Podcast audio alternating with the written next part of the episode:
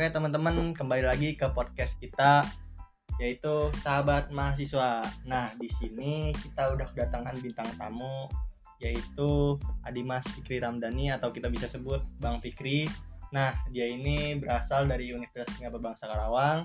Nah dia juga bergelut di dalam uh, organisasi mahasiswa uh, tepatnya itu adalah BLM Fasilkom Unsika. Nah, dia ini menjabat sebagai ketua umum BLM Fasilkom Unsika. Nah, pasti seru dong kalau kita berbicara sama dia. Nah, langsung aja.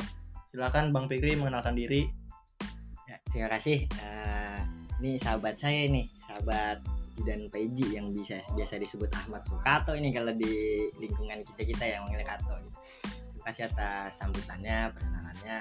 Jadi sedikit perkenalan dari saya nama nama gue Dimas Fikri Ramadhani kalau teman-teman di kampus gue biasanya nyebutnya gue sebagai Fikri gitu kalau tadi sudah dikenalkan gue bergelut di BLM ya memang benar BLM adalah badan legislatif mahasiswa yang berkecimpung di tingkat universitas di bagian legislatifnya gitu ya.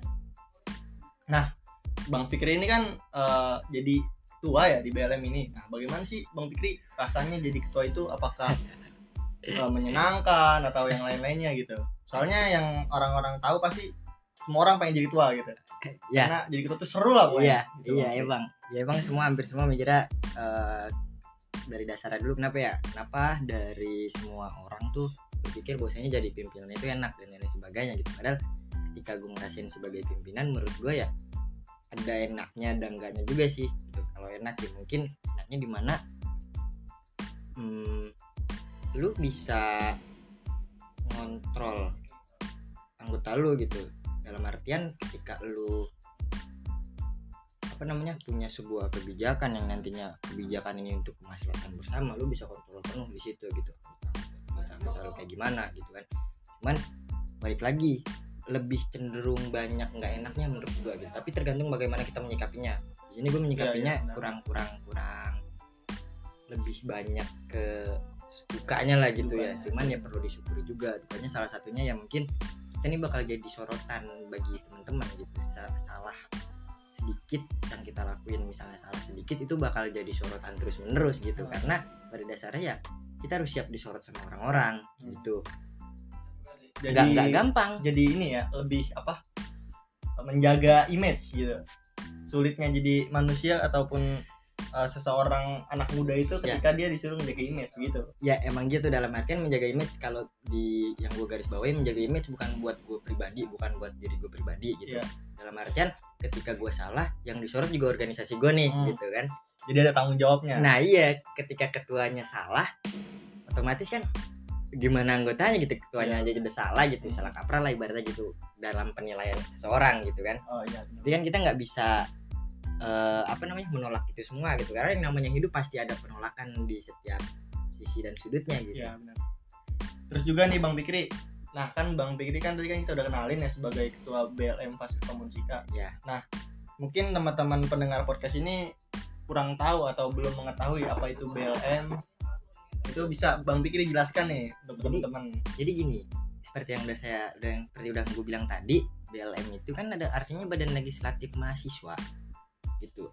Dia uh, legislatifnya gitu berat kayak perwakilan nih dari masing-masing uh, mahasiswa gitu di tingkat fakultas. Karena gue berkecimpungnya di tingkat fakultas belum tingkat universitas. Hmm. gitu itu banyak kalau di BLM Wasilkom tersendiri terbagi dalam tiga komisi. Yang pertama itu ada komisi komisi A itu berhubungan dengan yang mengurusi legislasi dan regulasi. Terus ada komisi B itu yang mengurusi tentang uh, controlling dan budgeting anggaran pembagian dana bawah itu diurusin sama komisi B. Ada satu lagi komisi yaitu komisi C. Itu yang bertanggung jawab tentang aspirasi yang nantinya bakal dikeluarkan oleh mahasiswa itu sendiri. Nah, itu tanggung jawab kita di situ tuh. Ketika mahasiswa nantinya menyampaikan aspirasi, begitu banyaknya aspirasi, belum tentu kita bisa uh, bisa menyelesaikan itu semua gitu. Hmm, berarti gini Bang Pikir ya. Berarti BLM itu kalau kita analogikan di tata negara itu seperti DPR ya Bang. Ya? Iya, bisa dibilang itu gitu. Cuman gue nyambut yang tadi gitu. Ketika aspirasi ini semua belum tentu kan kita bisa selesaikan semua aspirasi hmm, ini. Cuman itu menjadi tanggung jawab kita untuk diselesaikan. Hmm. Dan saya sebagai pimpinan harus bisa memastikan semua orang bekerja bekerja dari aspirasi itu gitu entah itu semua aspirasinya bisa terrealisasikan bisa diselesaikan atau tidak yang penting saya dan sahabat-sahabat saya di BLM ini bisa eh, memaksimalkan itu dulu gitu. Gimana caranya kita menyelesaikan gitu? Ya, ya. urusan selesai atau enggaknya belakangan tapi tapi kita usahakan. Tapi gimana caranya eh, anggota-anggota saya termasuk saya juga eh, bekerja bekerja dengan- untuk itu gitu. Berusaha untuk menyelesaikan itu. Ya karena tupoksinya BLM itu kan mendengar aspirasi mahasiswa Hmm. untuk disampaikan karena yang eh, berwenang ya seperti itu kayak gitu kita kan udah ngebahas nih bahwasannya Bang Bikrim ini ketua BLM dan kita tadi udah membahas juga tentang BLM itu apa sih nah kan kalau kita lihat hari ini bulan-bulan April ini baru ada eh, apa namanya jalur pendaftaran SNMPTN yaitu Hmm. lulusan-lulusannya ya baru ya pada lulus Ya, ya. ya. Jadi kan ada eh, siswa-siswa yang baru mau memasuki dunia kampus. Mhm. Nah, Mhm. Begini Bang Pikri mungkin permasalahan teman-teman podcast di sini sebagai mahasiswa baru ini bagaimana sih mereka bersikap atau eh, melakukan hal-hal yang di- dia tidak tahu selama dia masih menjadi siswa. Kan, contohnya contohnya juga kalau nggak tahu nggak tahu tuh maksudnya kan gini, dia tidak mengetahui dunia-dunia di kampus bagaimana Ya. beda pasti dengan dunia sekolah gitu. Ya, Pikri. ya. Nah, bagaimana sih bersikap yang baik atau bersikap yang memang seharusnya mahasiswa gitu? oke bukan Oke. ketika di kampus oke sebenarnya kalian eh, silakan hidup eh, yang seperti apa yang menjadi pegangan kalian gitu. Memang dalam dunia sekolah dan dunia kampus ini pasti berbeda gitu. Yang jelas karena kita di hidup di Indonesia yang menjunjung tinggi adab dan etika moral itu harus perlu di eh, junjung tinggi gitu. Gimana kalian bersikap kepada senior kalian bersikap kepada junior kalian nantinya gitu. Jadi di mahasiswa ini sebenarnya kalau yang kabar kabar-kabar yang di luar bahwasanya nanti ada perpeloncoan dari kakak tingkat dan kepada adik tingkat gitu ya atau ya, dari senior kepada biasanya junior itu yang memang jadi Nah, isu-isu Iya yang itu jadi jadi eh, itu sebenarnya yang jadi momok eh, mahasiswa baru ketika ingin berkomunikasi dengan seniornya atau kakak tingkatnya. Kalau di Fasilkom alhamdulillahnya nggak ada ya kayak gitu ya. Dalam artian saya dulu waktu jadi maba ngerasa betul saya ini di bener-bener diayomin sama senior tuh dalam artian ketika saya ada masalah apa kesulitan apa entah itu di mata kuliah saya yang berhubungan dengan akademik lah itu dibantu gitu. Dibantu entah itu pun ada kesulitan di fakultas atau saya ada masalah lah misalnya di fakultas ya itu dibantu sama senior senior saya alhamdulillahnya gitu. Kenapa saya bisa bilang di fasilkom nggak ada perbedaan antara senior dan junior tuh karena kayak gitu gitu mereka saling membantu gitu. Ibaratnya kayak simbiosis mutualisme lah gitu. Seperti itu. Jadi kalau apa namanya ya, pesan untuk maba ya bersikap biasa aja seperti apa yang sudah kalian lakukan di lingkungan gitu. Di lingkungan rumah kalian di lingkungan keluarga kalian. Bersikaplah seperti diri kalian sendiri cuman ingat adab dan etika itu perlu dijaga gitu ibarat seperti itu. Intinya yang diajarkan di sekolah dia tentang dari SD hingga dia lulus sekolah sampai hari ini ingin jadi mahasiswa itu perlu dilakukan gitu iya tentang adab dan etika yang Eh. diajarkan dulu karena kan di pancasila kita yang kedua sila kedua kan ada kemanusiaan yang adil dan ada beradab iya benar-benar gitu.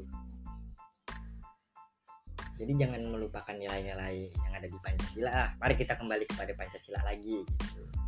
Ya, oke. Berarti kalau misalkan kita simpulkan sebenarnya yang tadi ya Bang Fikri bilang itu kita mahasiswa itu saling bantu senior dengan uh, junior yang baru. Itu Ya. berarti kalau kita tanahkan ke sekolah itu di sekolah itu kan biasanya Ya. kakak senior dengan adik senior itu biasanya kurang kurang apa sih namanya? Kurang peduli ya Bang Fikri. Eh, ya, Nah, itu, juga saya rasain waktu SMA. Makanya saya kaget ketika pertama kali masuk ke dunia kampus, senior saya ternyata nggak kayak waktu di zaman sekolah gitu. Iya, memang biasanya kalau di sekolah itu ya ranahnya memang eh, dari senior ke junior pun ya seperti itu gitu biasanya tidak peduli dan lain-lain. Tapi buat teman-teman maba yang baru mau masuk ini, tenang aja. Kita bakal eh, paham lah nanti ketika teman-teman maba masuk gimana sih sikap senior ke kalian itu berbeda jauh dengan saat kalian di sekolah. Karena Hmm, ya bahwasanya di mahasiswa ini apa di, di apa di kehidupan kampus ini nantinya itu udah nggak seperti di ranah sekolah lagi. Itu sih eh, kurang lebihnya. Iya. Ya seperti itu. Maksudnya jangan jangan sampai kalian gimana ya dogmatis. iya. Membuat membuat benteng tersendiri antara kalian dengan kakak tingkat kalian gitu. Karena teman-teman sebaya iya. juga ya? eh, karena sedikit banyaknya kalian juga bisa menambah ilmu dari senior kalian gitu. Hmm, barat ilmu yang misalnya kehidupan kampus ini seperti apa terus kampus kalian nih eh, kehidupannya seperti apa sih di kampus kalian? Itu kan kalian bisa tanyakan kepada senior kalian untuk kalian bisa apa ya namanya memahami, beradaptasi. beradaptasi. Beradaptasi di dunia kampus yang nantinya akan kalian dudukin atau kalian pijak. Hmm. gitu. jadi jangan sungkan untuk berbaur dengan siapa pun karena banyak yang ngomong kampus itu yang miniatur negara. Ibaratnya kalian kenal orang dari berbagai macam suku bangsa gitu. jadi kalian akan terbiasa ketika nanti hidup di masyarakat. Gitu. Ibarat ini pembelajaran lah biar kalian gak kaku nanti ketika hidup di masyarakat gitu.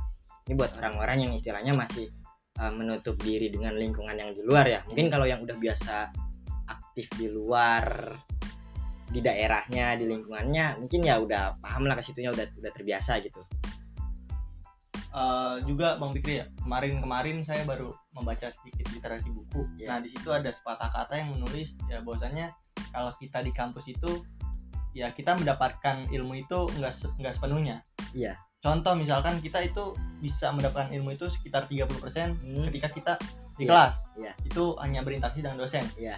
Nah selebihnya itu kita mencari dan kita bisa belajar dari senior senior kita Iya. bukan begitu bang Fikri iya sebenarnya kalau bilang gitu nggak cuma di kampus ya di sekolah pun kayak gitu Hmm. seperti itu gitu yang saya rasakan gitu. gimana caranya kita bisa mengeksplor diri kalian gitu kalau kemarin saya dengar dari saya sepakat dengan katanya Raditya Dika gitu ketika berbicara eh, orang itu nggak perlu pinter gitu cuman dia perlu memiliki penasaran di dalam dirinya yang berlebih gitu. Karena dengan teman-teman semua penasaran itu akan menambah pengetahuan teman-teman. Otomatis kan ketika teman-teman penasaran otomatis kan mencari ilmu yang baru dong. Dari penasaran itu biar terjawab penasarannya dia. Ketika sudah terjawab dia mendapat ilmu baru. Hmm, gitu ya. kayak gitu. Ya saya sepakat dengan kata-katanya bang Radit yang itu. mungkin pesan untuk maba ya terakhir bang Fikri Iya. Pesan buat maba. Simpel sih yang penting nikmatin aja di kampus kalian lingkungan kalian nikmatin aja. Nanti kalau misalnya di tengah jalan itu ada kalian berpikir salah-salah jurusan dan lain sebagainya nikmatin aja gitu. Bersyukur ikhlas kuncinya itu kan adalah kalian menikmati dan gimana caranya kalian ikhlas dalam menjalani kehidupan di kampus gitu. Nah. jangan jangan berusaha untuk menutup diri dengan lingkungan baru gitu. karena itu nantinya bakal menjadi sekatan iya bakal jadi bumerang juga buat teman-teman gitu. Tetap semangat buat mahasiswa baru jangan jangan jangan patah semangat nanti di pertengahan jalan menuju sarjananya gitu. Karena ingat kalian punya tanggung jawab sama orang tua kalian untuk kalian lulus ketika kalian sudah memutuskan untuk kuliah. Hmm, gitu. Oke mungkin gitu aja ya bang Fikri ya, Ya. podcast kali ini. Siap siap. Mungkin buat teman-teman penonton podcast kali ini saya sebagai moderator eh, Kato hanya bisa eh, menyampaikan hal seperti ini dan juga Bang Fikri. Terima kasih Bang Fikri yang sudah mau diundang di podcast kita. Ya. Oke. terima mungkin kurang lebihnya mohon maaf. Wassalamualaikum warahmatullahi wabarakatuh wassalamualaikum warahmatullahi wabarakatuh